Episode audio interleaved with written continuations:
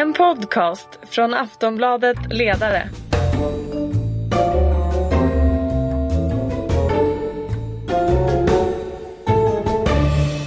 Hej och välkomna till Lönedags, ledarsidans podd om årets stora lönerörelse. Vi har kommit fram till slutet av februari och de flesta har fått sin lön. Och precis den här månaden står väl avtalsrörelsen egentligen kanske inför sitt mest dramatiska skede. Eh, det ska vi förstås prata om i den här upplagan av Lönedags. I studion finns som vanligt Susanna Lundell, chefredaktör på landets största fackliga tidning Kommunalarbetaren. Välkommen! Tackar! Här finns också Tommy Öberg, nestor i svensk arbetsmarknadsjournalistik eh, och bland mycket, mycket, mycket annat tidigare chefredaktör för tidningen Arbetet på den tiden det hette LO-tidningen. Välkommen! Mm. Tack så mycket! Här finns också Daniel Svedin och jag, Ingvar Persson från Aftonbladets ledarsida. Eh, och tillsammans har vi som sagt eh, fortsätter vi att prata om avtalsrörelsen. Eh, och vi kommer tillbaka till de här stora avtalsområdena. Men jag tänkte vi skulle börja med veckans flygstrejker. Eh, faktiskt, för det har ju, har ju faktiskt bränt till lite grann. Eh, I början av, av den här veckan så strejkade kabinpersonalen på bemanningsföretaget GEC. Eh, som bland annat då på flyglinjerna mot Kalmar och Vasa i två dagar. Och nu precis när vi spelar in det här så får piloterna ett nytt bud. Susanna, tänker du att det här är en stormsvala som eh, liksom förebådar en dramatisk och våldsam eh, strejkvåg över landet? Svårt att säga, men man kan väl säga att det är ju det är ju ingen som vill säga ja till ett avtal som är dåligt för de anställda för då är man rädd för att det blir en trend. så. Och eh, det är ju spända lägen. Unionen har ju gått ut i vissa frågor och, och sagt nu att man, man ser väldigt allvarligt på det här och faktiskt ser en strejk, en väldigt stor strejkrisk. Eh, och nu har ju det kanske inte varit bara flyget man har tänkt på då utan även andra områden. Så det, är, det är ett väldigt spänt och hårt läge nu eh, på, i, i avtalsrörelsen som jag kan inte riktigt påminna mig om. Det var ett tag sedan jag har hört sådana tongångar så pass tidigt så. Mm. Tommy, vad tänker du?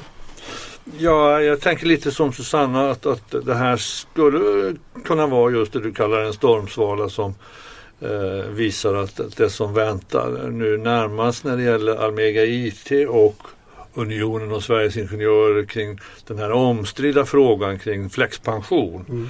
Eh, där det förefaller väldigt låst mellan parterna. Och eh, det var ju bråk om samma fråga förra avtalsrörelsen och då slutade det egentligen i någon slags pattställning. Det blev ingenting där men det blev på andra områden och den här gången tror jag att, att facken har bestämt sig för att samtliga deras medlemmar oavsett avtalsområde ska omfattas utav möjligheten att avsätta pengar till en flexpension. Så den frågan tror jag kan bli som Susanna antyder en riktigt svår nöt att knäcka. Så kanske är det här det vi ser nu med piloter och kabinpersonal början på en, en ganska besvärlig avtalsvår. Men visst är den, den flygsträckning som var, var ju lite konstig på det sättet. Eller förklarades av åtminstone arbetsgivarna om man läste deras kommunikation. De var ju väldigt pigga och Unionen är ju också bra på att skicka pressmeddelanden. Minns arbetsgivarorganisationen skickade då ut äntligen har vi fått till ett kollektivavtal när, när, när strejken var över. Den typen av tongångar brukar man inte höra i eh, kommunikationen efter en strejk. Att att det är arbetsgivarna som firar kollektivavtalet? Nej, fast jag, jag, jag förhåller mig lite lagom tveksam till hur mycket de firade det där kollektivavtalet. För möjligheten att teckna det hade ju funnits under lång tid. Så det lät som en PR-mässig eh, ganska snygg lösning. Mm. Eh, men, men jag undrar om inte det hade varit eh, möjligt att utan konflikt då hitta det här kollektivavtalet om man nu var så angelägen. Så att jag är lätt tveksam. Ja, de försökte ju skjuta över lite till, till att ja, men det här hade vi tänkt hela tiden. så. Men som Tommy säger, då hade man ju haft sina möjligheter att komma till ett avtal tidigare. Mm. Att man var besviken på facket och sådana här saker. Men då, får man ju, då finns det nog lite grann att göra en självrannsakan över hur, vilka möjligheter man har haft tidigare att komma till ett avtal innan strejk. Man, ska, man kan väl säga det också att, att flygbranschen är ju lite speciell. Alltså det, jag, Mm. slog mig när, när jag tittade på det här just att, att det är ju inte förrän Alltså det är så sent som 2012 som man egentligen har börjat försöka sträva efter att få ett branschavtal som är det vanliga på svensk arbetsmarknad. Förut har det varit avtal med varje företag för sig och det är fortfarande så att det är väldigt mycket, väldigt mycket speciella villkor i varje enskilt eh, bolag tydligen. Och, och det, var ju, det var ju någonstans i det där glappet också eh, Ja, det som, som det. Men det är väl en, alltså, inte det en viktig poäng just det här att, att man faktiskt jobbar med branschavtal i Sverige så att samma villkor ungefär ändå gäller på alla, alla olika företag. Men det är väl den strävan som så gott som samtliga fack har. Men det har ju visat sig Ja, ibland är det ju svårt. Va? Det finns särskilda avtal med Posten, det finns särskilda avtal med Telia, det finns särskilda avtal med SAS som är sådana giganter på i den branschen där de är verksamma. Så de blir på något vis branschavtalet även om det inte är riktigt sant. Ja, men det är intressant också med den här, när flygsträckorna dyker upp eftersom man har de här typen av avtal som man försöker få till. Och eh, det är ju sällan, särskilt när det gäller piloterna som vi kommer nu, att, att man har den här typen av eh, sympatier från människor som står till vänster som annars brukar eh, sympatisera med, med strejker eller med arbetstagare och löntagare. Eh, det är sällan man har den typen av alltså, Piloter är ju överbetalda ändå. Vad, vad är det de gnäller om?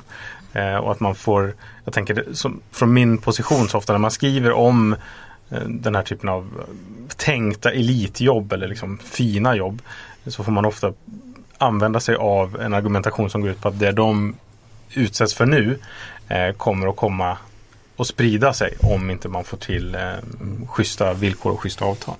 Ja, men jag gör samma reflektion som, eh, som du är inne på att, att den här vintern så, så, så uppfattar nästan alla fackliga organisationer att angreppen på det som är själva alltså, kärnidén i den fackliga, varför det finns fackföreningar, är på något vis satt på spel. Och det spelar inte så stor roll om det är städbranschen eller om det är piloterna som blir utsatta för detta utan då måste så att säga det här att vi inte lönekonkurrerar till exempel. Det måste försvaras överallt. Det har inte så mycket med att göra om du tjänar 80 000 eller om du tjänar 20 000. Alltså angreppet uppfattas som om det är mot alla. Men gäller det, gäller det också Susanna, eh, den kommunala sektorn där ju, där ju fackförbunden har dels valt en lite, lite olika strategi när det gäller till exempel det här med individuell lönesättning.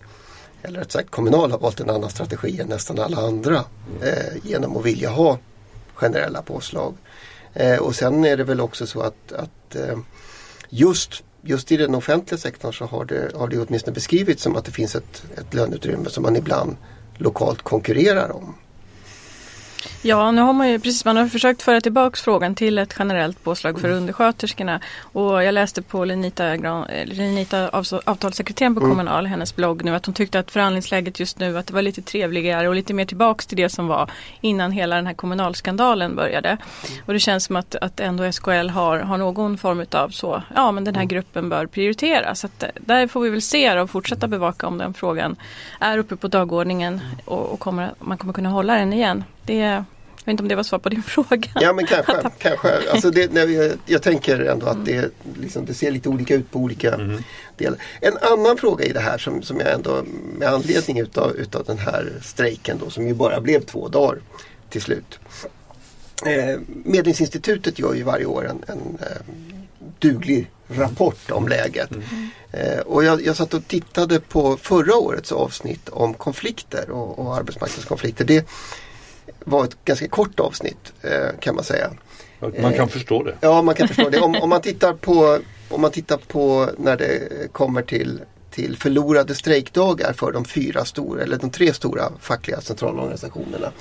Så slutade det för hela landet och alldeles totalt. Kan ni gissa? Susanna, vad skulle du tänka dig? Nej, jag törs, jag törs inte gissa. Ja, under 100 dagar. Jag har ju läst dig så jag tänker, ja, du får säga själv. Jag får säga det själv.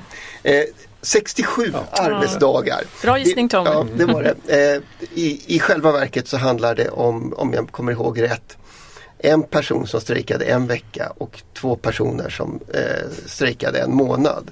Eh, det var på två mindre livsmedelsföretag som, som inte ville teckna kollektivavtal. That's all. Och inte ens syndikalisterna hade väl strejkat särskilt mycket. Nej, ett hundratal dagar. Eh, Samt eh, ytterligare några dagar i olovliga strejker. Jag tror Medlingsinstitutet har hittat två.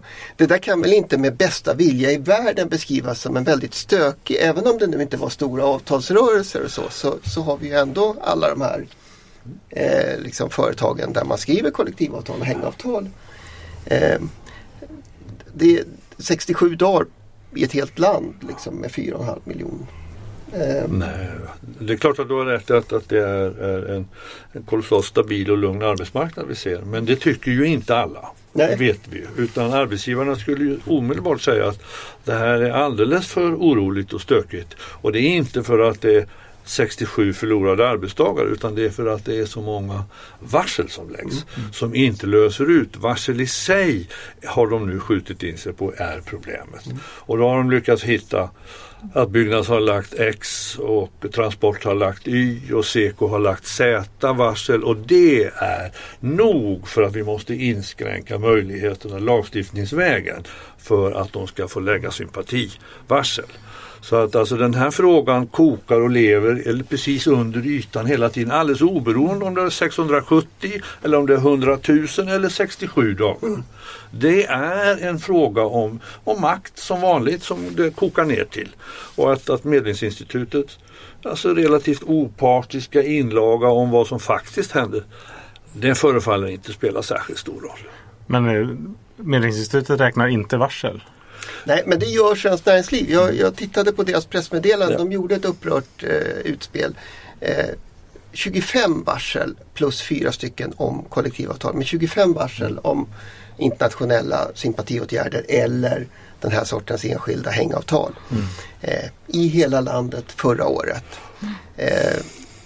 Och det anses då i deras värld vara väldigt störande och allvarligt. Och Men är inte, är, är, ja, är inte det lite konstigt med tanke på att just de här varslen som de då är upprörda de här 25 de handlar ju i huvudsak just om att man vill skriva kollektivavtal, vilket ju Svenskt Näringsliv säger sig vilja. vilja. Och vill man vara snäll kan man ju ge dem en eloge för att de är fantasirika och försöker hitta nya kreativa saker att slå ner på. Det är väl det mest positiva man kan säga. Men hur man skulle kunna tolka de, dessa 25 som någonting fruktansvärt upprörande har jag lite svårare att se. Det är naturligtvis, nu har man pratat om strejk så många gånger och sagt det så många gånger så att man behöver hitta något nytt att skjuta in sig på. Men anledningen att vi inte har fler strejker och fler varsel är att vi har en fungerande modell på svensk arbetsmarknad för hur man förhandlar fram avtal som många andra länder faktiskt borde vara avundsjuka på om de inte redan är det. Vi har inte bönder som åker fram med ett lass gödsel så fort de blir upprörda över minsta lilla grej och så utan vi har, lite, vi har ganska stor ordning och reda på svenska arbetsmarknader jämfört med andra länder och det, det borde väl arbetsgivarna också kunna se. En del kopplar ihop det här med, vi kommer säkert tillbaka till det om vi hinner kanske, låglöneoffensiven. Att man dels pratar om vi måste sänka lönerna för de som sänker, eller har sämst löner. Eller eh, för att få in människor på arbetsmarknaden. Och samtidigt så ska vi omöjliggöra för strejker och varsel. Eh, tror ni att det finns någonting i det? Rautio, en person därifrån som jag inte minns namnet på. Jo, det var Nils Karlsson på Ratio.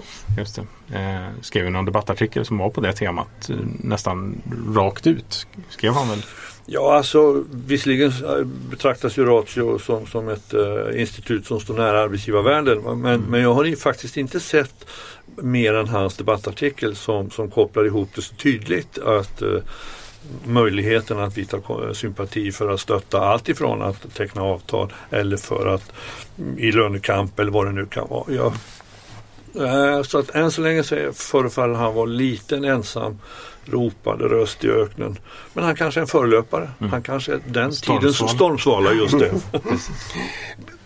Bara en fråga som jag ändå, lite grann apropå det Susanna sa, en fungerande arbetsmarknad. En fråga man kan ställa sig är ju, strejkar inte svenska eh, fackliga organisationer för lite egentligen? Om nu arbetsgivarna kan känna sig så upprörda över att ens hotet finns där. Det är en bra fråga. Det, det beror på vilka glasögon man tar på sig. Jag kan ju tycka att det är bra med varsel, det är bra med möjlighet att ta till strejk och stridsåtgärder och så vidare. Men det är ju det yttersta, det är det sista man gör. Under resans gång är det ju väldigt många förhandlingstillfällen och tillfällen där man försöker lösa. Och det är det som är kärnan.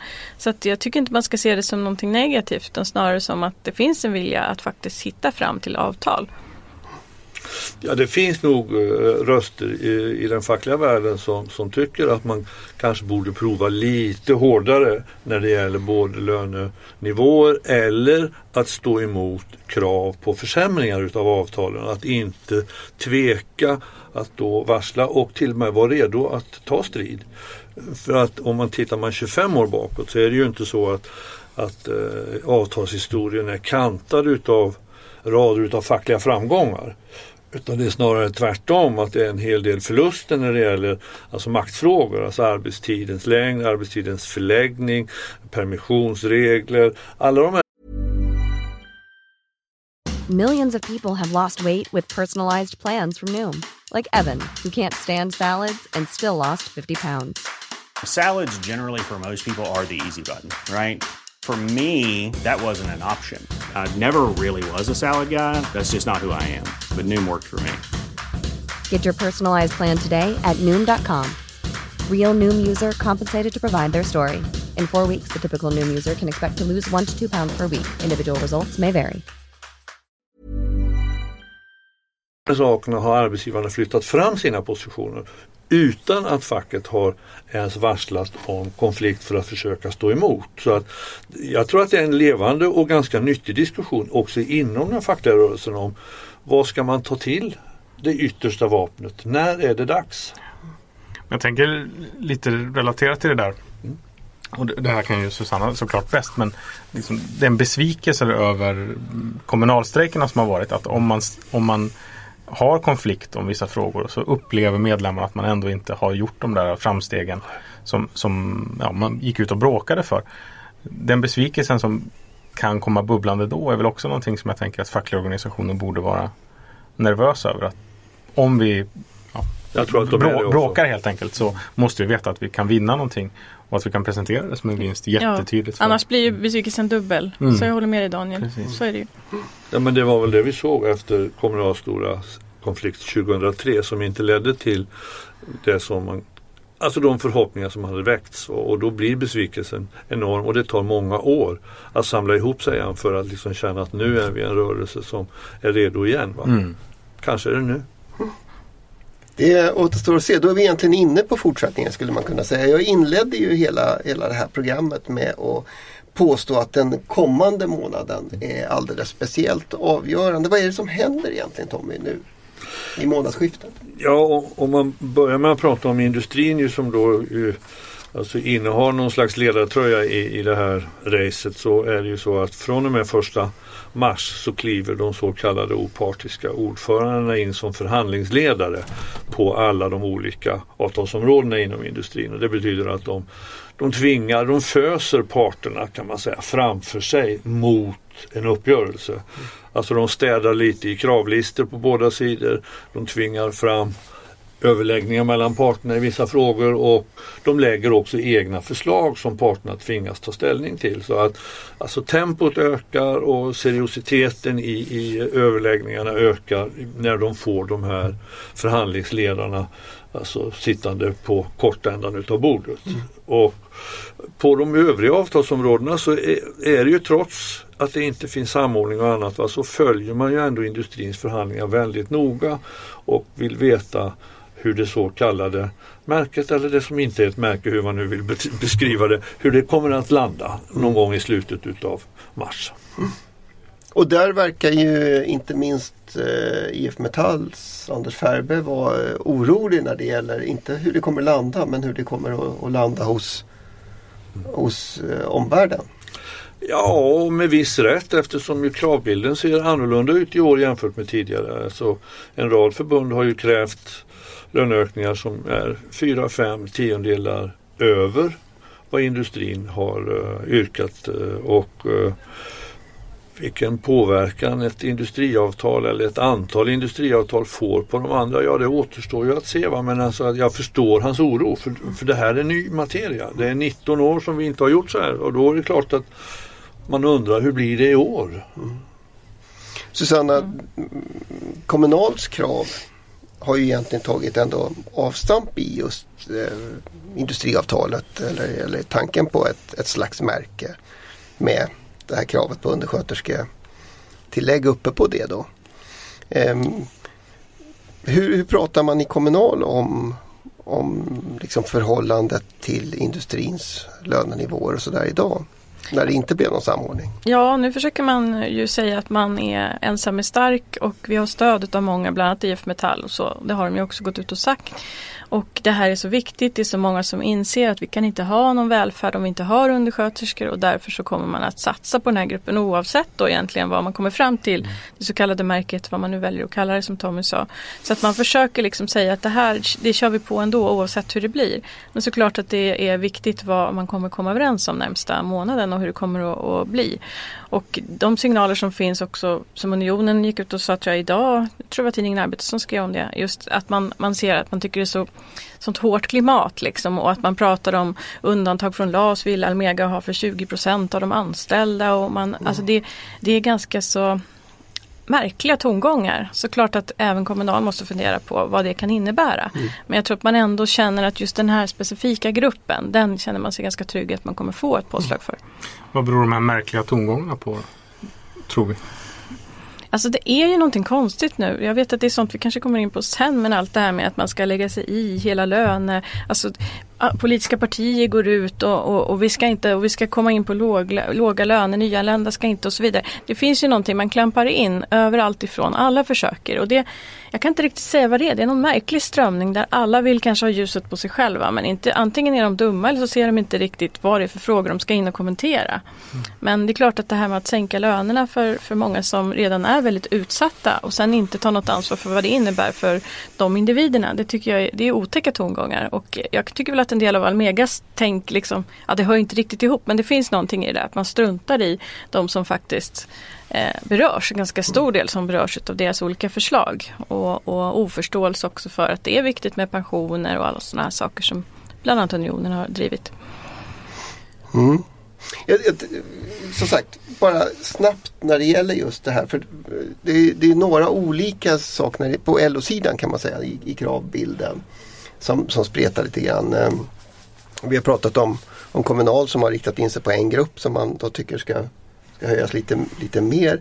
Mm. Eh, Handels driver precis som de brukar göra ett krontalspåslag som, som ju skulle gynna deras medlemmar och, och kosta lite mer än, än industrins krav i procent räknat. Mm. Eh, och sen har man då eh, 6F som liksom har uttalat att de vill ha ett högre procentpåslag och dessutom ett låglöneavtal eh, då för, för, som påverkar inte minst till exempel fastighets.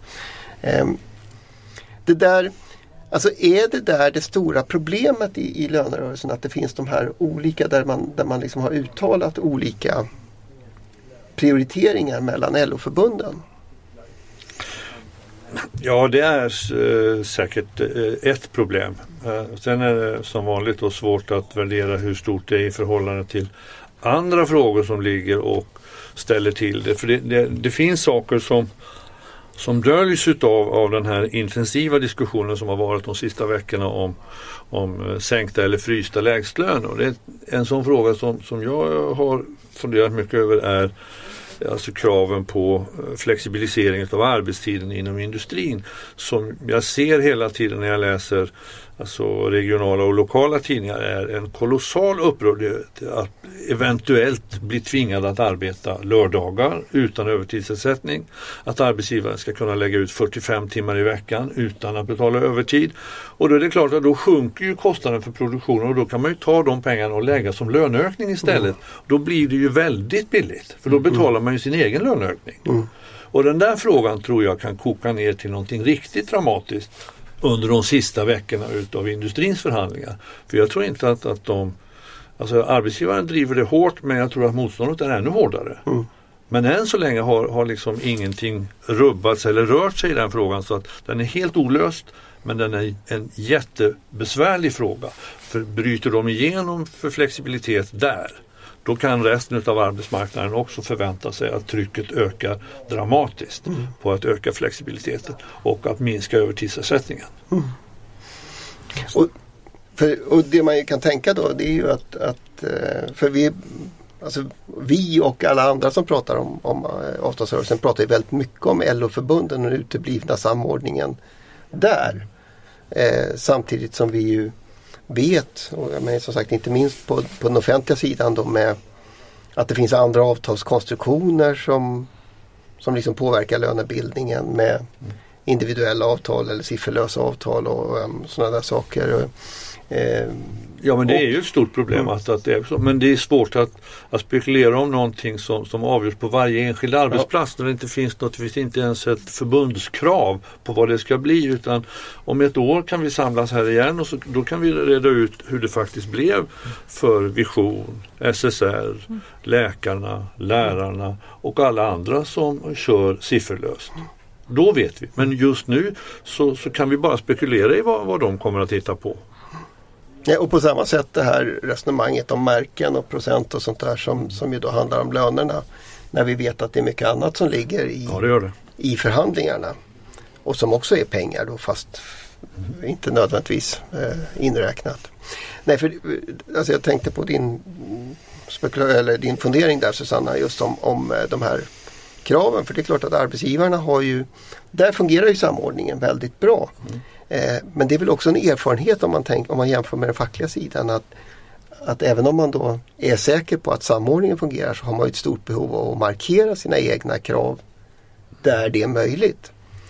Alltså, Jag, jag, skulle, alltså jag har en, en, eh, en fundering kring det där med, med de så Ibland beskriver vi och andra arbetsgivarna så, så väl samordnade. Men om man tittar lite noggrannare på vad de ju faktiskt säger nu när det har gått ett par månader utav förhandlingar så börjar det spreta rätt rejält. Alltså. Den enighet som Svenskt Näringsliv skröt om för ett år sedan förefaller helt bortblåst när det gäller rätten till flexpension till exempel. Där har Almega valt samma linje som de valde i förra avtalsrörelsen. Då det blev, ursäkta svenskan, ett jävla bråk i arbetsgivarvärlden. Nu är vi där igen. Så att hur, ja, hur samstämt det är, för, ja, det får man nog ha ett öga på. Jag är inte säker på att de är sådär jätte ihopkörda när det väl kokar ner till att nu ska vi göra upp. Ja. Så att mm, vi får se. Nej, man kan ju vara överens på ytan men så kan man ju märka att det bubblar där under. Och det är väl det som är, ska man ha en samordning då ska man ju vara överens på djupet. Och det är väl det man kan titta historiskt för fackförbunden inom LO till exempel. När man har varit överens så har man ju haft mycket lättare att få igenom sina krav. Så att eh, man kan ju vara överens utan samordning också men jag menar allting beror ju på hur det ser ut i kärnan, i, ver- I verkligheten. i verkligheten, precis. Okej hörni, till slut bara. Eh, den här månaden har ju, har ju, som har gått har ju och nu innehållit eh, rätt speciella politiska krav på, eh, som, som väl vi alla har lite svårt att se hur det tekniskt skulle gå till. Men, men det här att, att flera partiledare för liksom, till synes seriösa partier eh, går in och, och uttryckligen hotar med lagstiftning om särskilda lönemodeller. Ehm, är det ett tecken på att den svenska modellen är på väg att, att haverera? Susanna? Det kan ju vara ett försök att få den svenska modellen att haverera. Men jag tycker det är plumpt och korkat och dumt. Jag, jag tycker att en del partiledare får fundera lite på vad de håller på med faktiskt. Jag tycker inte de ska in i det. Jag tycker till och med Reinfeldt som jag inte hållit med om mycket i mina dagar. Men han har ju till och med förstått att det där är inte något han ska in i. Så vad håller de på med nu i före detta alliansen till exempel? Hans, eh, hans, de nya partiledarna där som är inne och tassar hela tiden på det här. Det är ingenting de ska in i tycker jag överhuvudtaget. Bort med tassarna. Alltså, jag har sett det liksom en, en relaterat till LOs eh, icke-samordning om man ska säga. Någonting som bubblar i på Twitter bland näringslivets eh, liksom, avlönade chattrare att de tycker att liksom, låglönediskussionen har inte lyfts av högern och näringslivet utan det är LOs, eh, att de inte samordnade sig gjorde att de var tvungna att ha någonting att prata om. Och så skriker de om eh, låglöner i högan sky och liksom betala politism för att sätta upp elaka affischer utanför förbundskontoret. Att det, liksom det, det är LOs fel att vi pratar om låglöner. Det verkar vara det som kommer nu. För att LO inte har Men jag något tycker att det verkar göra. som om det är LOs fel det mesta när, när de twittrar och, och bloggar och har sig. Alltså allt ifrån vädret till den här frågan. Och jag har lite svårt att ta det där på, på, på riktigt allvar. Inklusive de partiledare som, som nu har varit ute den sista månaden. Så att jag, eh, jag delar Leif Östlings uppfattning om jag tror inte de riktigt har förstått vad det är de föreslår. Nej. Men det finns ju någonting, vi pratade om det på redaktionen så här att liksom alla vet att det här inte kommer hända i den här avtalsrörelsen. Och så läste jag i eh, det är väl syndikalisternas tidning, Arbetaren. Eh, jag minns inte exakt vem det var som sa det men en ekonomisk historiker då, som sa att det som man säger nu hade betraktats för extremism för bara fem eller tio år sedan. Mm. Att liksom tangentens riktning ändå är så här att vi ska nog ha lite vaksamhet över vad som kan tänkas hända. Inte imorgon men vad blir nästa steg? Ja, och långsiktighet är, är ju någonting som man i så fall ska ge arbetsgivarvärlden och även delar av alliansen alltså beröm för. Alltså de släpper inte taget om en viktig fråga även om framgången uteblir både en och två och tre mm. gånger. Så att du kan ha rätt Daniel om att man ska, man ska nog titta på vart pilen pekar. Mm. Det får faktiskt bli slutordet för den här månadens lönedags. Vi kommer tillbaka och om en månad så har vi då är vi ju mitt i slutskedet. Det blir enormt spännande. Eh, ni ska ha stort tack Susanna Lundell från Kommunalarbetaren, Tommy Öberg från tidningen Arbete, ska vi säga så? Ja, det tycker jag. Ja, det gör vi. Eh, och Daniel Svedin från Aftonbladet. Eh, vi är tillbaka med lönedags när lönen kommer om en månad. Okej, okay, tack!